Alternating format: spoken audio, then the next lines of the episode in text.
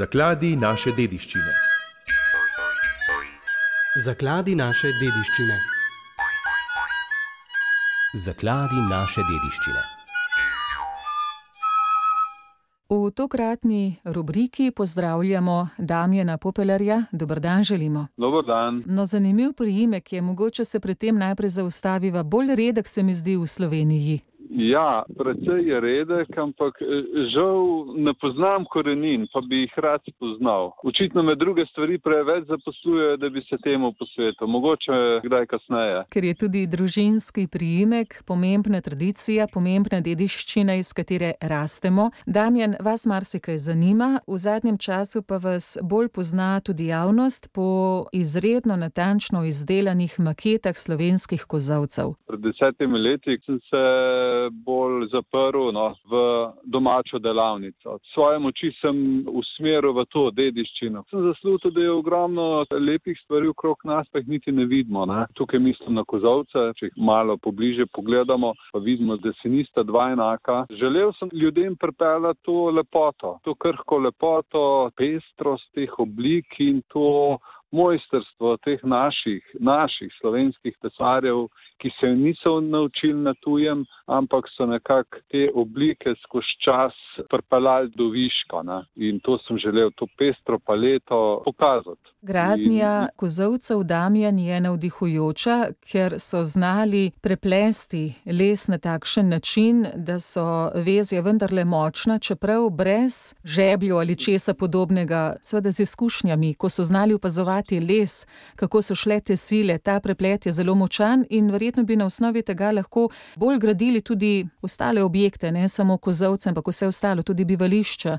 Ste tudi zato Damjan postavili tako filigransko izdelane makete kozovcev, da bi se tudi to znanje preneslo naprej na naslednje generacije, če se bodo zanimali za preplet teh konstrukcij lesene gradnje postaja vse bolj aktualno, tega se niti ne bojim. To je trend tudi v sodobni arhitekturi, ne, usporedno ta sonaravna gradnja. Je pa res, principi so pa drugi, vezi so druge, spoji so drugačni, tehnika je drugačna, gre za lepljene nosilce drugih dimenzij, drugih razponov. Pri kozovcih je pa stvar bila seveda bolj preprosta, se tudi ni nastal čez noč, iz danes na jutr. Torej človek je opazoval, je nekako skozi ta čas, skozi opazovanje, je v bistvu prvotni kozovci zelo preproste konstrukcije.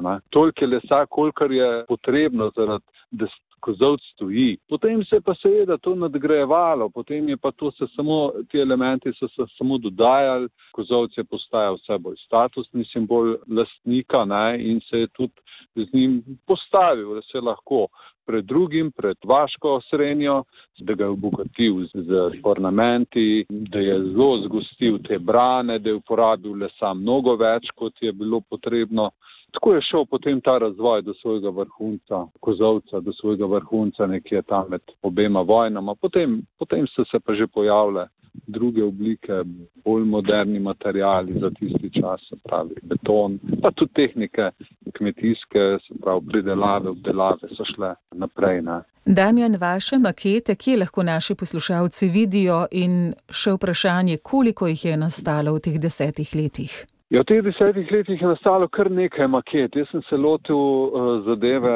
Iskal sem v bistvu nek način, kako bi na dokaj preprost način lahko ustvaril nek botičen izdelek, uh, se pravi te naše ljudske dediščine. Tako so nastali ti delne makete teh kozovcev, nekje 24 različnih, teh nisem niti štev. Šle so na vse celine že najbrž kot nek protokolarni, botični, osebno darilo. Ne? Mi je bil pa izziv, ko sem imel že vse izmere, se pravi vsak kozovc sem v celoti pomeril, ne samo prvo fasado, to, sem, o čemer sem zdaj govoril, mi je bil pa izziv narediti celotne makete, ne, ki pa komercialno se zavedam niso zanimive, ker so tudi večje. Kljub temu, no, to mi ni dal miru in sem želel potem 14 kozovcev, sem pa res naredil potem v merilu, v te iste merilu, ampak v celoti. Od najstarejšega, tam nekje pred 300 leti, še stoječega, do tega najmlajšega, Simončičevega izpred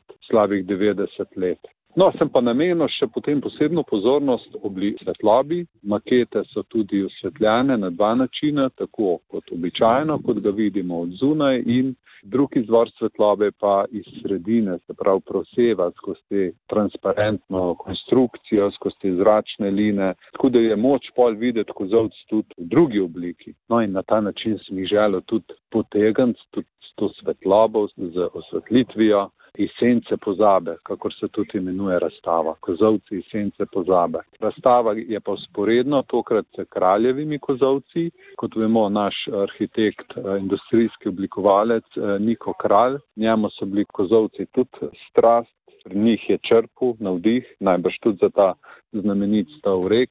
Tukaj so potem sporedno ob tej razstavi, maket, so pa razstavljeni še diapozitivi iz njegovih potovanj, pa ekskurzij, pa terenskih raziskav kozovcev. Tako da se na, na enem mestu se srečava dva arhitekta, oba so obdelovala isto snov v nekem časovnem zamiku in obema je pomenil kozovc vir navdiha. Vaše zanimanje ja, tudi za čebeljake, za panje, za to enoto naše dediščine. Ja, kozovci in čebeljaki so slovenski fenomen. To lahko kar za eno gotovost trdimo. Kozovcev druge ne bomo našli, čebeljakov v taki pestrosti tudi ne, ker predvsem v svetu so čebeljaki bolj stojišča kot objekti. Sem razširil ta opus tudi na čebeljake pretežno so bili leseni, zato mi je šlo to tudi na roke mojemu delu, ampak sem pa potem razširil tehnologijo izdelava maket, tudi na zidane čebeljake, pletene čebeljake. No, tukaj sem se pa dela mal drugače lotil. Pretežno je šlo za rekonstrukcijo čebeljakov iz arhivskih posnetkov, ki ga hrani etnografski muzej v Ljubljani. To so bile Orlove ekipe, tam v 50-ih letih prejšnjega stoletja so prečesale Slovenijo in med so to dediščino, premično, nepremično, so tudi čebeljaki. In tukaj se je pojavil potem nek nabor čebeljakov, ki sem jih po nekem lastnem kriteriju, od najstarejšega do potem tudi najmlajšega, razporedil, izločil in tudi izdelal.